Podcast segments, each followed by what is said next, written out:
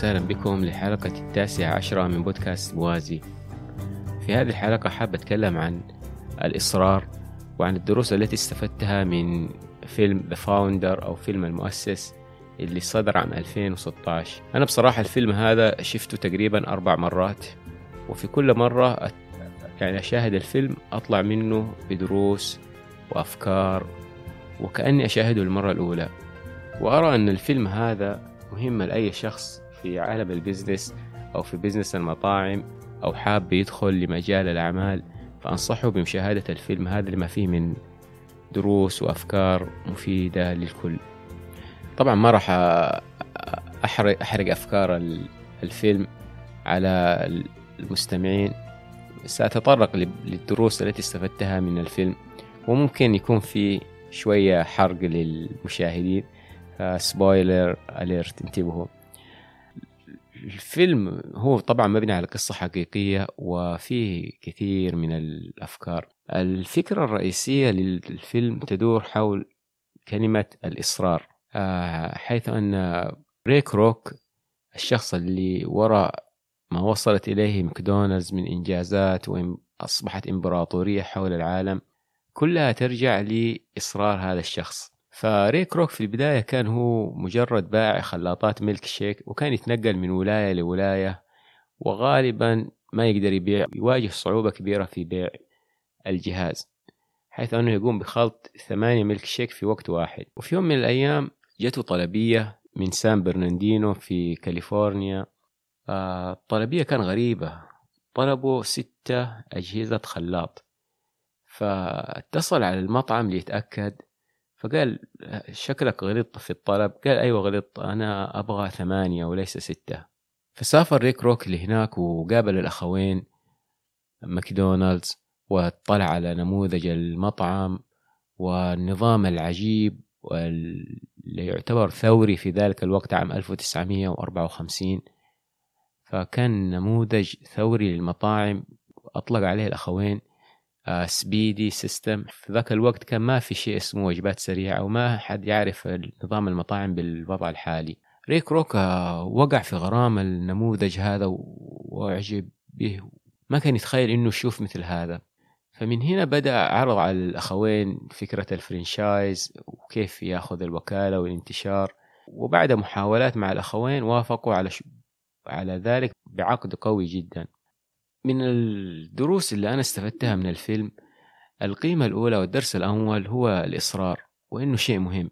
ريك روك هذا الشخص كان عمره 54 عام وشخص يعني يعتبر تقريبا مفلس ولكنه برغم عمره المتقدم وبرغم وضعه المادي إلا أنه آمن بفكرة نجاح المطعم الثوري هذا وتبناها وحارب من أجلها ونجح ونجح نجاح عظيم. الدرس الثاني إنه الابتكار مهم جدا. حاول تتميز في عملك حاول تتميز في ما تقدمه للعملاء. حاول تطور وتحسن عملك حاول يعني تقدم شيء مختلف للناس. صدقني راح تنجح. الدرس الثالث إنه الفرص اقتناص الفرص. كثير مننا تجينا فرص في حياتنا ونرفضها. أو نتجاهلها أو نستهزئ بها حتى. وبعد مرور وقت نقول والله الفرصة هذه جتني وما استغليتها. فنحاول نقتنص الفرص. الدرس الرابع هو الاستعانة بالخبرات. ترى ما في عيب إنه تستعين بشخص أكثر منك خبرة. ما ما هو عيب إنك تدفع مقابل المعلومة. أيضا ما هو عيب زي ما يقولون المقولة اللهم ارزقني وارزق مني. ترى ما هو عيب بل العيب كله إنك تحاول إنك تكون الكعكة كلها لك.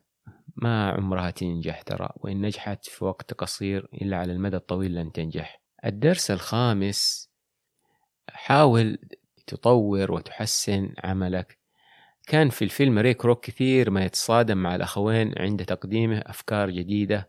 حيث أنهم كانوا يرفضون يرفضون أي تطوير أو أي أفكار جديدة بحيث المحافظة على الجودة والنظام بدون أي تغيير. آه، بينما لو أنهم الأخوين استغلوا يعني نشاط وهمة ريك روك فكان بيستفيدون كثير. لكن رفضهم الأفكار والتحديث والتطوير أدى بهم في النهاية إلى بيع المطعم أو خسارة العائد. أيضا من الأفكار اللي استفدت منها من الفيلم يعني حاول تنوع في عملك. آه، هل تعلم أن شركة ماكدونالدز هي شركة عقارية في المقام الأول وليست غذائية؟ حيث أنهم يقولون دائما نحن في نشاط نحن شركة في مجال العقار وليس ولسنا شركة في مجال بيع البرجر والوجبات السريعة. وهذا كله بسبب استعانة ريك روك بأحد الأشخاص الأذكياء جدا عندما قابله في في البنك وكان يحاول يأخذ قرض من البنك أو يتم أو إعطائه مهلة للسداد. فلحقوا الشخص هذا وقال ليش أنت كذا؟ المفروض أنت لما تبغى تعطي الوكالة لأي شخص أنت تشتري الأرض وتأجر من الشخص. وهذا كان من الأسباب اللي راي كروك قدر يستولي فيها على الشركة. أيضا من الدروس اللي تعلمتها وما أدري هل هذا يعتبر أخلاقي أو غير أخلاقي لكن نجح مع راي كروك. راي كروك كان في طريقه للنجاح كان يرفض راي كروك في طريقه للنجاح ما يستسلم أبدا ما يستسلم كان عنده عزيمة عجيبة لأنه آمن بالفكرة. لازم يكون كل شخص كذا يكون عنده عزيمة وإصرار ولا يستسلم أو ينكسر مقابل أي صعوبات. ريك روك أوشك على الإفلاس ثم رجع وانطلق وكون شركة مليارديرية. أيضا من الدروس اللي تعلمتها من الفيلم توثيق العقود. حيث في نهاية القصة اشترى ريك روك المطعم والاسم التجاري من الأخوين بمبلغ تقريبا ما أدري كم يمكن خمسة مليون مليونين وسبعمية ألف أو كذا لكل شخص منهم. وهم طلبوا منه نسبة واحد في المية من المبيعات. فقال أنا ما أقدر أسجلها في العقد لكن نخليها كاتفاق شفوي واتفاق مصافحة. ولكن للأسف بعد إتمام الصفقة بعد ما خلص الصفقة معاهم ما أعطاهم ولا شيء. ولو إنه الأخوين حرصوا على توثيق الشرط هذا في العقد لكان يأتي الورثة الآن سنويا لا مبلغ لا يقل عن 100 مليون دولار. فلازم نحرص على توثيق الشروط كلها في العقود بحيث تكون قانونية ونضمن حقنا. بصراحة الفيلم ملهم والقصة ملهمة جدا والكل يعرف شركة ماك ويعرف مدى قوتها ونجاحها. أعتقد أنه من أسرار شركة ماك أسرار نجاحهم أنهم حاطين standard أو معيار ثابت لكل شيء. يعني تخيل البطاطس لها وقت خمس دقائق وعشر ثواني. آه مثلا البرجر أو شوي البرجر مثلا على ثلاث دقائق على درجة حرارة معينة. عندهم نظام عجيب كل شيء دقيق جدا. فأي شخص في مجال الأعمال يحاول يحرص على الاستفادة والقراءة من تج... عن تجربة ماك. بحيث يضمن الاستمرارية والثبات لجودة المنتج اللي يقدمه للزبائن. ختاما آمل منكم مشاركة الحلقة مع أصدقائكم ومن ترى أنه سيستفيد منها.